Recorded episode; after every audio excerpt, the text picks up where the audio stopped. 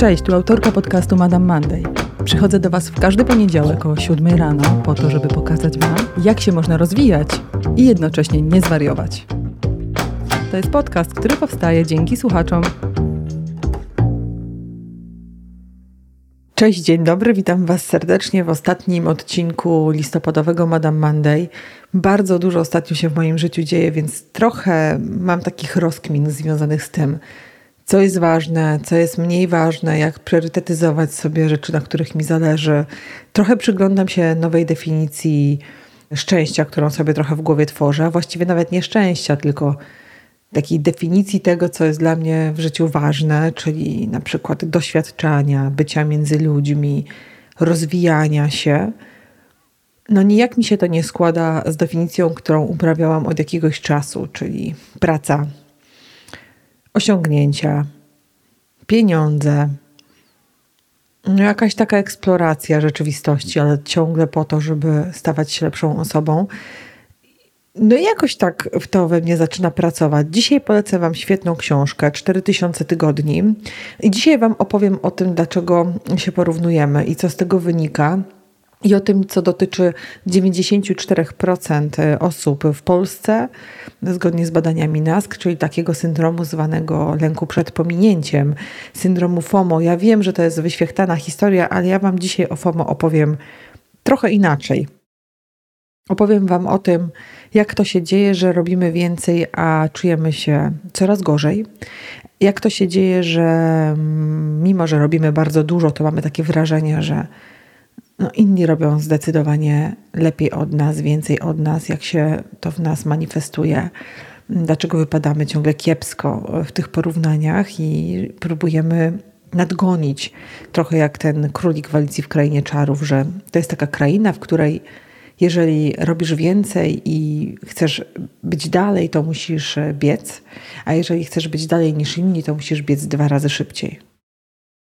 Trochę przerażające. Kiedyś opowiadałam już o tym króliku z Alicji z Krainy Czarów na wykładzie, na chyba moim pierwszym wykładzie na Uniwersytecie SWPS, gdzie opowiadałam o tym, że no warto by było jednak tą strefę komfortu pokochać. Już wtedy miałam e, taką intuicję, że to, co nazywamy szeroko pojętym rozwojem osobistym, no nie jest dla nas dobre i że te różne recepty na życie, że my pewnie je wyczerpiemy i, i przerośniemy, czyli dorośniemy do tego, że to jednak były wydmuszki. Trochę dorastamy do tego, że to były wydmuszki.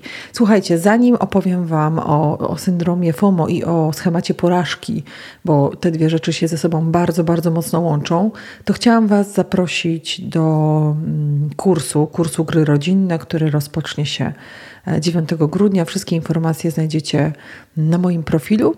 I jeżeli zgłębiać będziecie chcieli temat schematów i będziecie mieli ochotę trochę pooglądać sobie głębiej kwestie tego, jak schematy w nas pracują, dlaczego tak, a nie inaczej, to zapraszam Was na grupę zamkniętą Patronite, gdzie w każdym tygodniu staram się dość regularnie yy, prowadzę dla Was wykłady na temat schematów.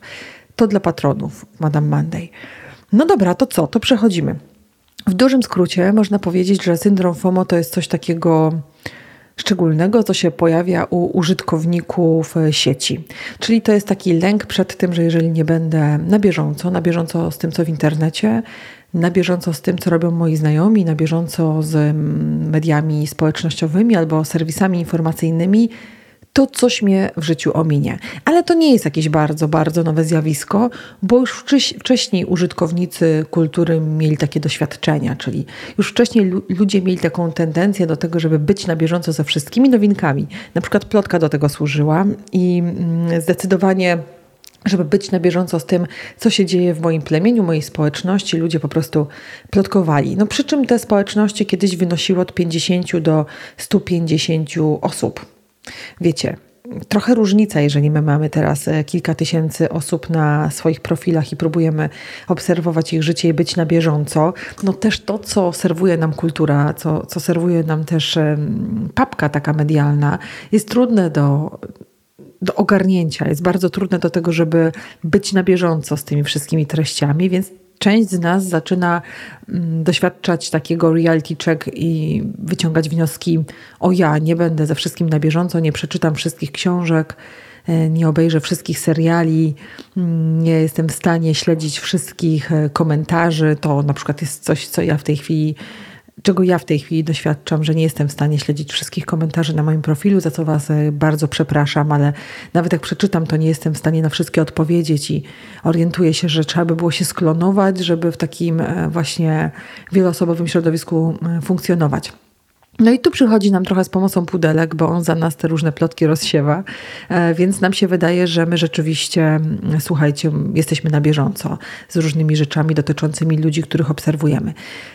Dlaczego o tym mówię? Dlatego, że nasz umysł jest tak skonstruowany, że bardzo lubi czuć się bezpiecznie. A my możemy czuć się bezpiecznie tylko wtedy, kiedy jesteśmy na bieżąco właśnie z naszym plemieniem. I kiedy nasze plemię wynosi 50 osób, to jest taka średnia liczba według Harariego osób, które przynależały do plemion naszych przodków, to wtedy to nie jest żaden kłopot, żeby wiedzieć kto z kim, co, jak i dlaczego. Ale kiedy to plemię się globalizuje i nagle okazuje się, że jesteśmy obywatelami świata, no to wtedy bycie na bieżąco trochę graniczy z cudem. I to, co my przeżywamy, ten lęk przed tym, że nie wiemy, że nie jesteśmy na bieżąco, jest naturalny, jest lękiem biologicznie uwarunkowanym. To nam podpowiada nasza gadzia część umysłu, która mówi: być może w plemieniu, w którym jesteś, są rzeczy, o których nie wiesz, i w każdej chwili możesz w związku z tym zginąć. E, I to jest e, puenta początku lęku przed pominięciem i faktu, że spędzamy coraz więcej czasu oglądając rolki. No i teraz, uwaga, okazuje się, że przeciętny mieszkaniec naszego globu, który korzysta na przykład z TikToka, no nie jest w stanie skupić się na 30-sekundowych rolkach. Rolki są coraz krótsze, zdania są coraz krótsze, komunikaty muszą być coraz bardziej takie syntetyzowane, żeby w ogóle utrzymać uwagę. I to właśnie dzieje się na bazie e, tej próby bycia na bieżąco z różnymi rzeczami, więc stajemy się też tacy powierzchowni. Coś tam wiemy, no niby dużo, ale tak naprawdę niczego bardzo, bardzo głęboko. To jest pierwsza rzecz. Próbujemy śledzić, próbujemy nadążać, bo wydaje nam się, że przez to przetrwamy, dzięki temu przetrwamy. A druga rzecz, która się na to nakłada, to ponieważ śledzimy, ponieważ jesteśmy na bieżąco, no to też się porównujemy. Porównujemy się z innymi, dokonujemy wielokrotnych w ciągu dnia porównań społecznych i w wielu przypadkach wypadamy raczej kiepsko. Mój profil na mm, Instagramie i na Facebooku jest raczej w kontekście mm, marketingowym profilem dość żałosnym, ponieważ no ja jestem słaba w internety. E, nie mam na to czasu, żeby robić takie rzeczy, a jeszcze nie zatrudniłam ludzi i mam nadzieję, że nie będę musiała robić tego, żeby zatrudniać ludzi, żeby móc mieć z innymi kontakt w sieci. No ale jeszcze nie zatrudniłam ludzi, którzy mogą mnie reprezentować, więc mój profil nie jest dobrym przykładem. Ale ostatnio ponieważ e, zaczynam zataczać coraz szersze cyfrowe kręgi, to ostatnio się orientuję, że to jest cholernie ciężka robota, żeby taki profil wypracować i żeby on był no, profesjonalny. No i teraz wracam do tego miejsca, w którym mówię Wam o tym, że porównujemy się, porównujemy się z innymi i wypadamy blado. No nie da się e, nie wypaść blado, jeżeli internet jest już nie tylko fejkiem, ale jest po prostu taką przestrzenią, w której ludzie pracują na to, żeby być w jakiś określony sposób postrzegani.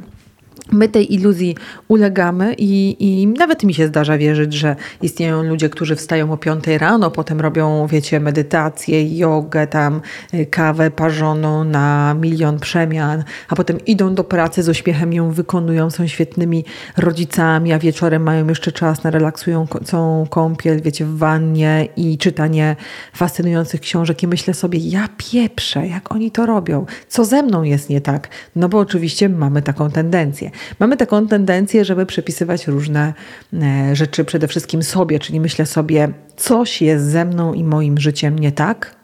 Nie mam albo tipów na życie, albo nie potrafię tym życiem zarządzać, nie potrafię czasem zarządzać. Zderzam się ze ścianą zwaną e, witalność, której mi czasem brakuje, albo po prostu czas, albo w ogóle zderzam się z taką ścianą zwaną tym, że może mi się w ogóle nie chce tego robić i, I wtedy sobie myślę, albo jestem leniem, albo jestem człowiekiem i nie wiem, kto tu oszalał. E, więc e, lęk przed pominięciem to jest też lęk przed tym, że inni mają bardziej satysfakcjonujące życie niż my i że my nie potrafimy tego poziomu satysfakcji osiągnąć. I tu się trochę kłania to, o czym za chwilę Wam opowiem, czyli schemat porażki z terapii schematów, który u części z nas będzie pracował jeszcze bardziej, jeszcze głębiej, będzie takim młotem pneumatycznym, który przebija um, delikatne struktury. Um, chodnika i dobija się do kanalizacji, czyli płynie w naszym krwiobiegu. Schemat porażki mówi nam na pewno, na pewno to jest tak, że po prostu robisz coś źle w swoim życiu. Inni ludzie mają więcej przyjemnych doświadczeń na koncie. Inni ludzie mają pewnie więcej oszczędności na koncie. Inni ludzie pewnie jakoś bardziej satysfakcjonująco spędzili ten poranek. Więc co możesz zrobić?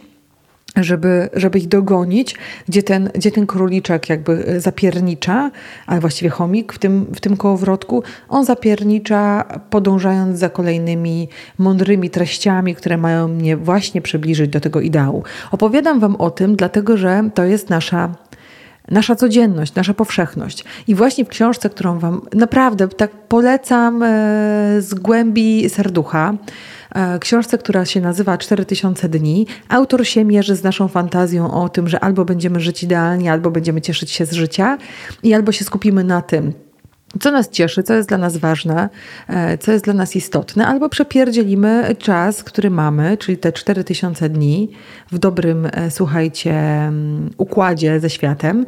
E, przepierdzielimy ten czas na robienie rzeczy, które mają nas do tego ideału zbliżyć. I on pięknie pokazuje w tej książce, że my próbujemy mieć kontrolę nad rzeczami, nad którymi kontroli nie mamy, czyli też nad czasem. I wydaje nam się, że jeżeli ten czas przepierniczamy na tak zwane głupoty, no to przepierniczamy życie, nie? No i to jest takie pierwsze pytanie, które, które warto sobie zadać, czy ja w ogóle mogę mieć w pełną kontrolę nad tym, jak to życie przeżyję. Ja Dawno Wam już mówiłam o moich rozkminach związanych z tym, że jakość życia polega na tym, zadowolenie z jakości życia, polega na tym, że idziesz sobie po takiej drodze, na której spotykają się właśnie różne rzeczy.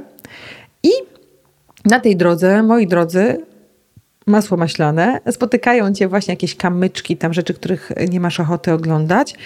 I to, jaki masz do tego stosunek, będzie budowało jakość Twojego życia. Zacytuję Wam jeden, jeden fragment z książki 4000 tygodni, a dotyczy on tego. 15 grudnia 1993 roku Karl Gustav Jung napisał odpowiedź na list od niejakiej Frau, pani Wi, która zadała mu kilka pytań na temat właściwego postępowania w życiu. Rada, której jej udzieliłem, dobrze pasuje na zakończenie tej książki. Droga pani Wi, zaczął Jung, na pani pytania odpowiedzieć się nie da, ponieważ chce pani wiedzieć, w jaki sposób żyć. Żyjemy tak, jak możemy. Nie ma jednego konkretnego sposobu. Jeśli takowego pani pragnie, najlepszym rozwiązaniem byłoby wstąpić do Kościoła katolickiego, który dyktuje wiernym, co należy, a czego nie. No i to jest trochę taka puenta, odpowiedź na pytanie, dlaczego my rzeczywiście tego kościoła katolickiego szukamy, weźmy to w cudzysłów, bo nie chodzi oczywiście o kościół katolicki. Wtedy, na tamten moment o to chodziło, ale na ten moment chodzi o inne rzeczy. Szukamy innych e, plemion, szukamy innych ścieżek na życie i ciągle próbujemy szukać tej idealnej, czyli szukamy idealnego suplementu, e, idealnej idei, idealnego sposobu ćwiczenia, czyli próbujemy wybrać najlepszy sposób, bo nie chcemy się zgodzić na to, że życie nie jest idealne, albo że coś nam się właśnie spod tej kontroli wymknie i że nasze życie będzie jedną wielką katastrofą, czytaj porażką. I teraz u niektórych z Was będzie to pracowało bardziej niż u reszty, dlatego że część z Was będzie miał kłopoty ze schematem porażki. Otwieram przed Wami teraz um, całą ideę terapii schematów Jeffreya Junga, Janet Klosko i Weishara. I dzisiaj Wam opowiem o tym, czym jest ten schemat porażki i dlaczego on się tak nam manifestuje w życiu, szczególnie teraz. Schemat porażki szczególnie dotyczy osób, które mają osłabioną autonomię i mają takie poczucie braku dokonań w życiu. No o to nie trudno, żyjąc w przestrzeni, w której wszyscy chwalą się na prawo i na lewo dokonaniami, więc e, zdecydowanie schemat porażki będzie dotyczył większości z nas.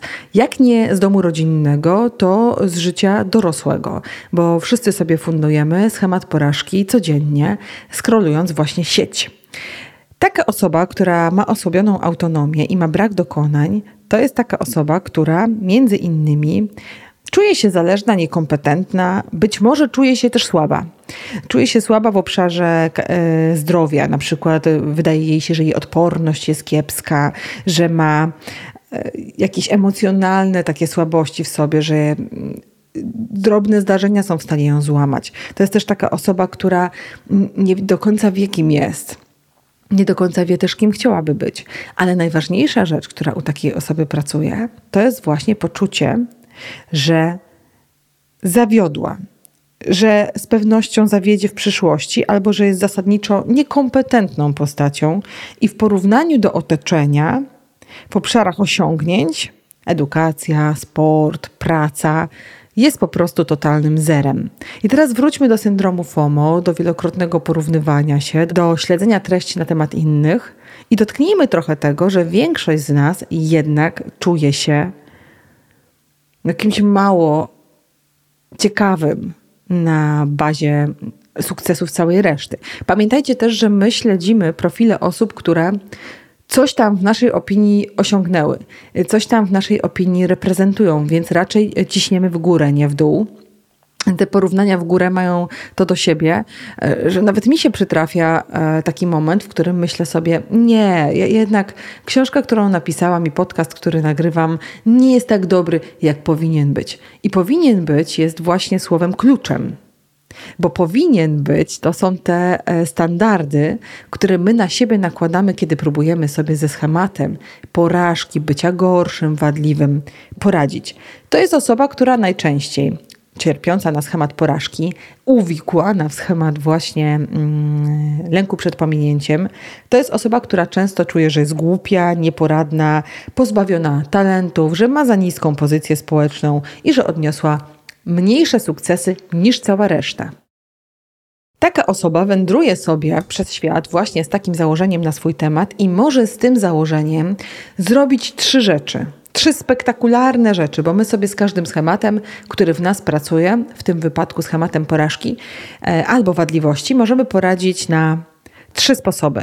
To jest e, zawierzyć schematowi i postępować w zgodzie z nim, i wtedy taka osoba, która wierzy temu schematowi, i próbuje postępować w zgodzie z nim, sama utrudnia sobie własną karierę, czyli wybiera rzeczy poniżej własnych możliwości, pracuje poniżej poziomu swoich osiągnięć, próbuje ciągle porównywać swoje osiągnięcia z osiągnięciami innych ludzi, no i ocenia siebie niekorzystnie.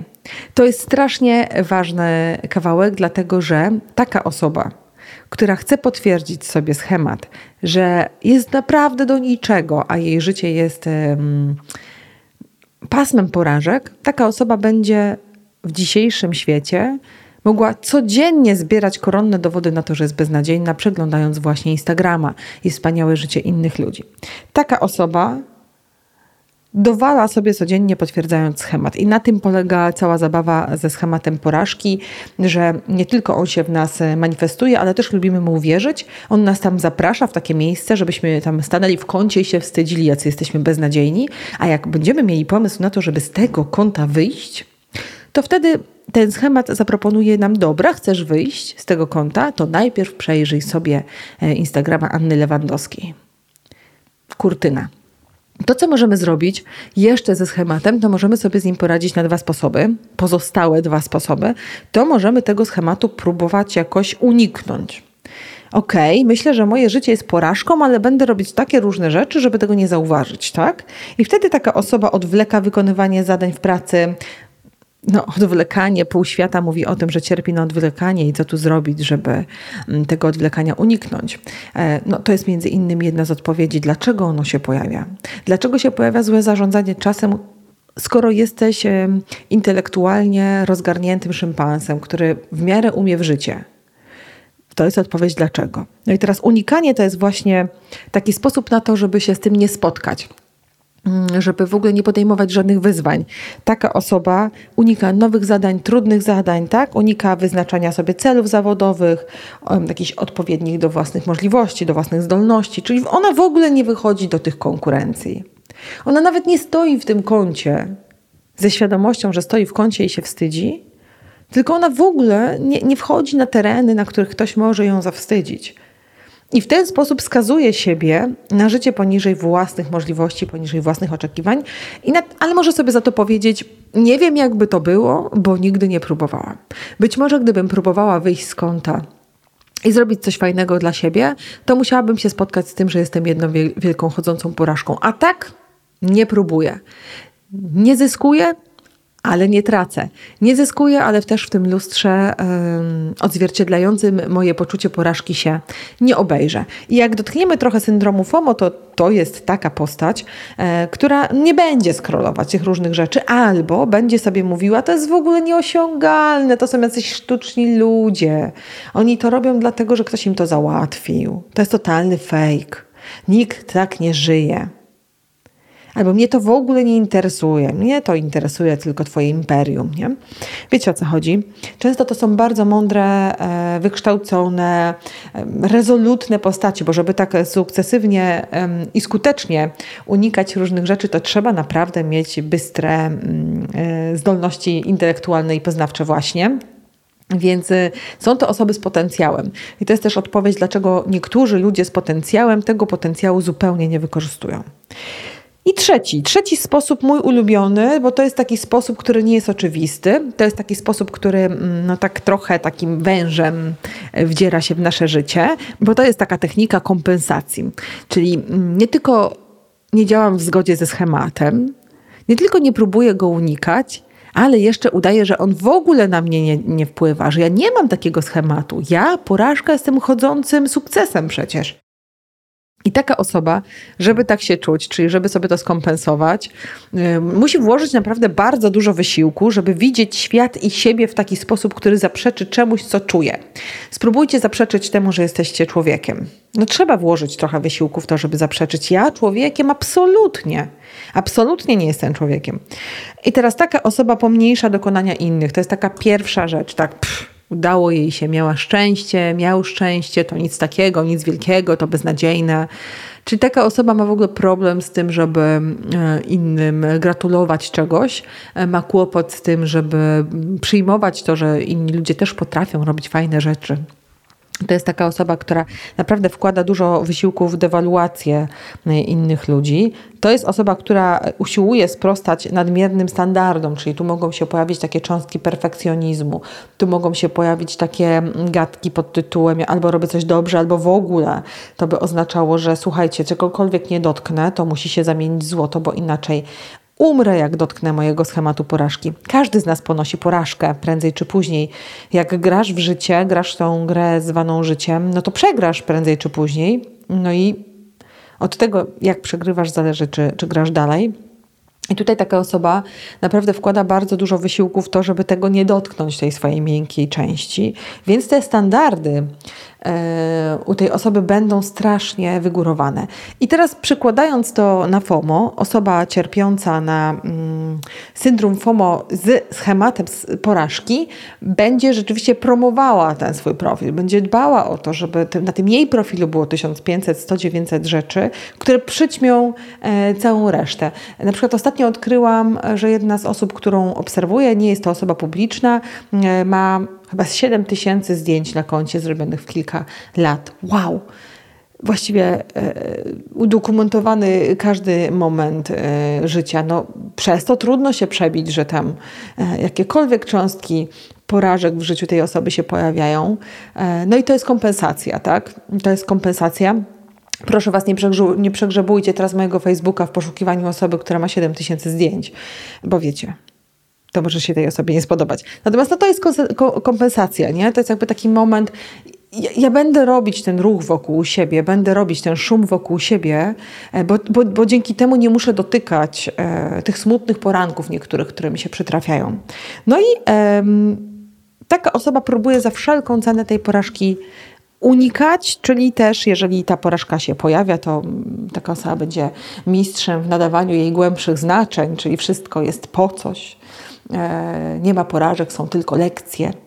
E, no wiecie, słyszycie to, ja też to słyszę, mówimy to, ja też to czasem mówię. Dzisiaj pora e, dorosnąć i zobaczyć, co z tym można byłoby zrobić. I te dwie rzeczy, porażka i FOMO to są dwie rzeczy, które się na siebie nakładają i które sprawiają, że mm, de facto większość z nas uważa, że ma życie, które nie spełnia tych standardów, które powinno spełniać. Czyli duża część osób, z którymi pracuję, ma takie poczucie, że idą sobie ścieżką zwaną swoim życiem, ale ich to prawdziwe życie to życie, którą, którym mogliby żyć, gdyby mm, wszystkie okoliczności zagrały tak, jak powinny zagrać, ono przebiega dziś z boku i możesz na nie sobie tylko patrzeć. Tak by mogło być, gdybym była sprytniejsza, sprawniejsza, bardziej pracowita, wstawała o 5 rano, e, robiła mm, pięć razy w tygodniu treningi. Mm, no wiecie, no miała więcej certyfikatów, więcej kasy, bogato wyszła za mąż. Gdyby tak było, być może żyłabym życiem, które mi się należy. I tutaj dochodzimy do bardzo, bardzo ważnego aspektu. Bo tam na końcu tej tęczy jest po prostu wielkie rozczarowanie. Rozczarowanie, które może się przerodzić u części z nas e, w głębokie poczucie krzywdy i obrażenie się na życie. No dobra, to skoro to jest tak, to ja już nic nie będę z moim życiem robić, nie? To ja już na nic nie mam wpływu, niczego nie będę robić, wszystko będę krytykować, tak? Czyli może się w nas pojawić taki zgorzkniały, upierdliwy, do granic możliwości głos, który podpowiada nam, że życie to jest coś, o co nie warto walczyć. Czyli może się w nas rozwinąć cynizm e, i stajemy się cyniczni wobec innych, wobec siebie, złośliwi i w ten sposób skazujemy się na to, żeby nie dotknąć e, naszego życia takim, jakim ono rzeczywiście jest. I nie dotknąć tych, tych cząstek sukcesów, które mamy, i nie przełknąć pigułki cząstek porażek, które nam się przytrafiają i po prostu nie zagrać w grę zwaną życiem, której nie jesteśmy w stanie opanować. Bo my życia nie jesteśmy w stanie opanować. Ostatnio byłam na takim wydarzeniu o kryzysie wieku średniego. Muzeum Powstania Warszawskiego robiła, robiło festiwal robi Festiwal Niewinnych Czarodziejów i my e, mieliśmy taki panel dyskusyjny na temat kryzysu wieku średniego i trochę rozmawialiśmy tam o różnych pretensjach, które mogą się pojawić też do naszych rodziców, kiedy to poczucie krzywdy się w nas rozgaszcza. I Mes powiedział coś bardzo ważnego, powiedział, że nasi starzy, nasi rodzice grali takimi kartami, jakie mieli. No i właśnie. E, ja jestem bardzo głęboko przekonana o tym, że my możemy grać tylko kartami, które otrzymujemy. No, możemy być wytrawnymi graczami i nawet e, z byle jakich kart coś tam ukręcić. No ale no nie zawsze możemy też być e, wytrawni w tej dyscyplinie zwanej życiem. Do czego Was dziś próbuję namówić? Próbuję Was namówić dziś do tego, żebyście troszkę się zatrzymali i zobaczyli, jakie macie przekonania na temat siebie na tle innych, co te przekonania Wam robią i co Wy robicie żeby wyjść z tego impasu ciągłych porównań i wypadania blado. Co wy robicie, szczególnie z tych trzech e, obszarów? Czy, czy potwierdzacie schemat, czy go unikacie, czy być może go kompensujecie sobie, czy siedzicie cały dzień w mediach społecznościowych i czytacie wszystkie książki, słuchacie wszystkich podcastów i mm, próbujecie wcielać wszystko w życie, czy, czy, czy już dotarliście do tego miejsca, E, w którym zauważacie, że nie wszystkie zmiany w życiu są Wam potrzebne i że jak będziecie tak ciągle chcieli zmieniać wszystko, żeby to życie było lepsze, to ono będzie gorsze, bo będziecie zajęci zmienianiem, a nie życiem. Dziękuję Wam serdecznie dzisiaj za Waszą obecność. Widzimy się w grudniu. W grudniu będę miała dla Was cztery odcinki i będę się kręciła wokół e, między innymi mm, świąt, QA, które dla Was przygotowałam, odpowiadając na różne pytania, więc jak macie do mnie jakieś pytania, to ślijcie do mnie e, listy, bo, bo, bo szykuję takie QA, podsumowanie roku i tam odpowiem Wam na wszystkie pytania, które się pojawią. Zobaczycie, co mam dla Was jeszcze. W przyszłym roku z pewnością się widzimy. Będzie troszkę inna konwencja, ale jeszcze Wam nie zdradzę, jakie mam plany. Trzymajcie się ciepło, dbajcie o siebie, bądźcie dla siebie dobrzy i po prostu żyjcie. Wszystkiego dobrego.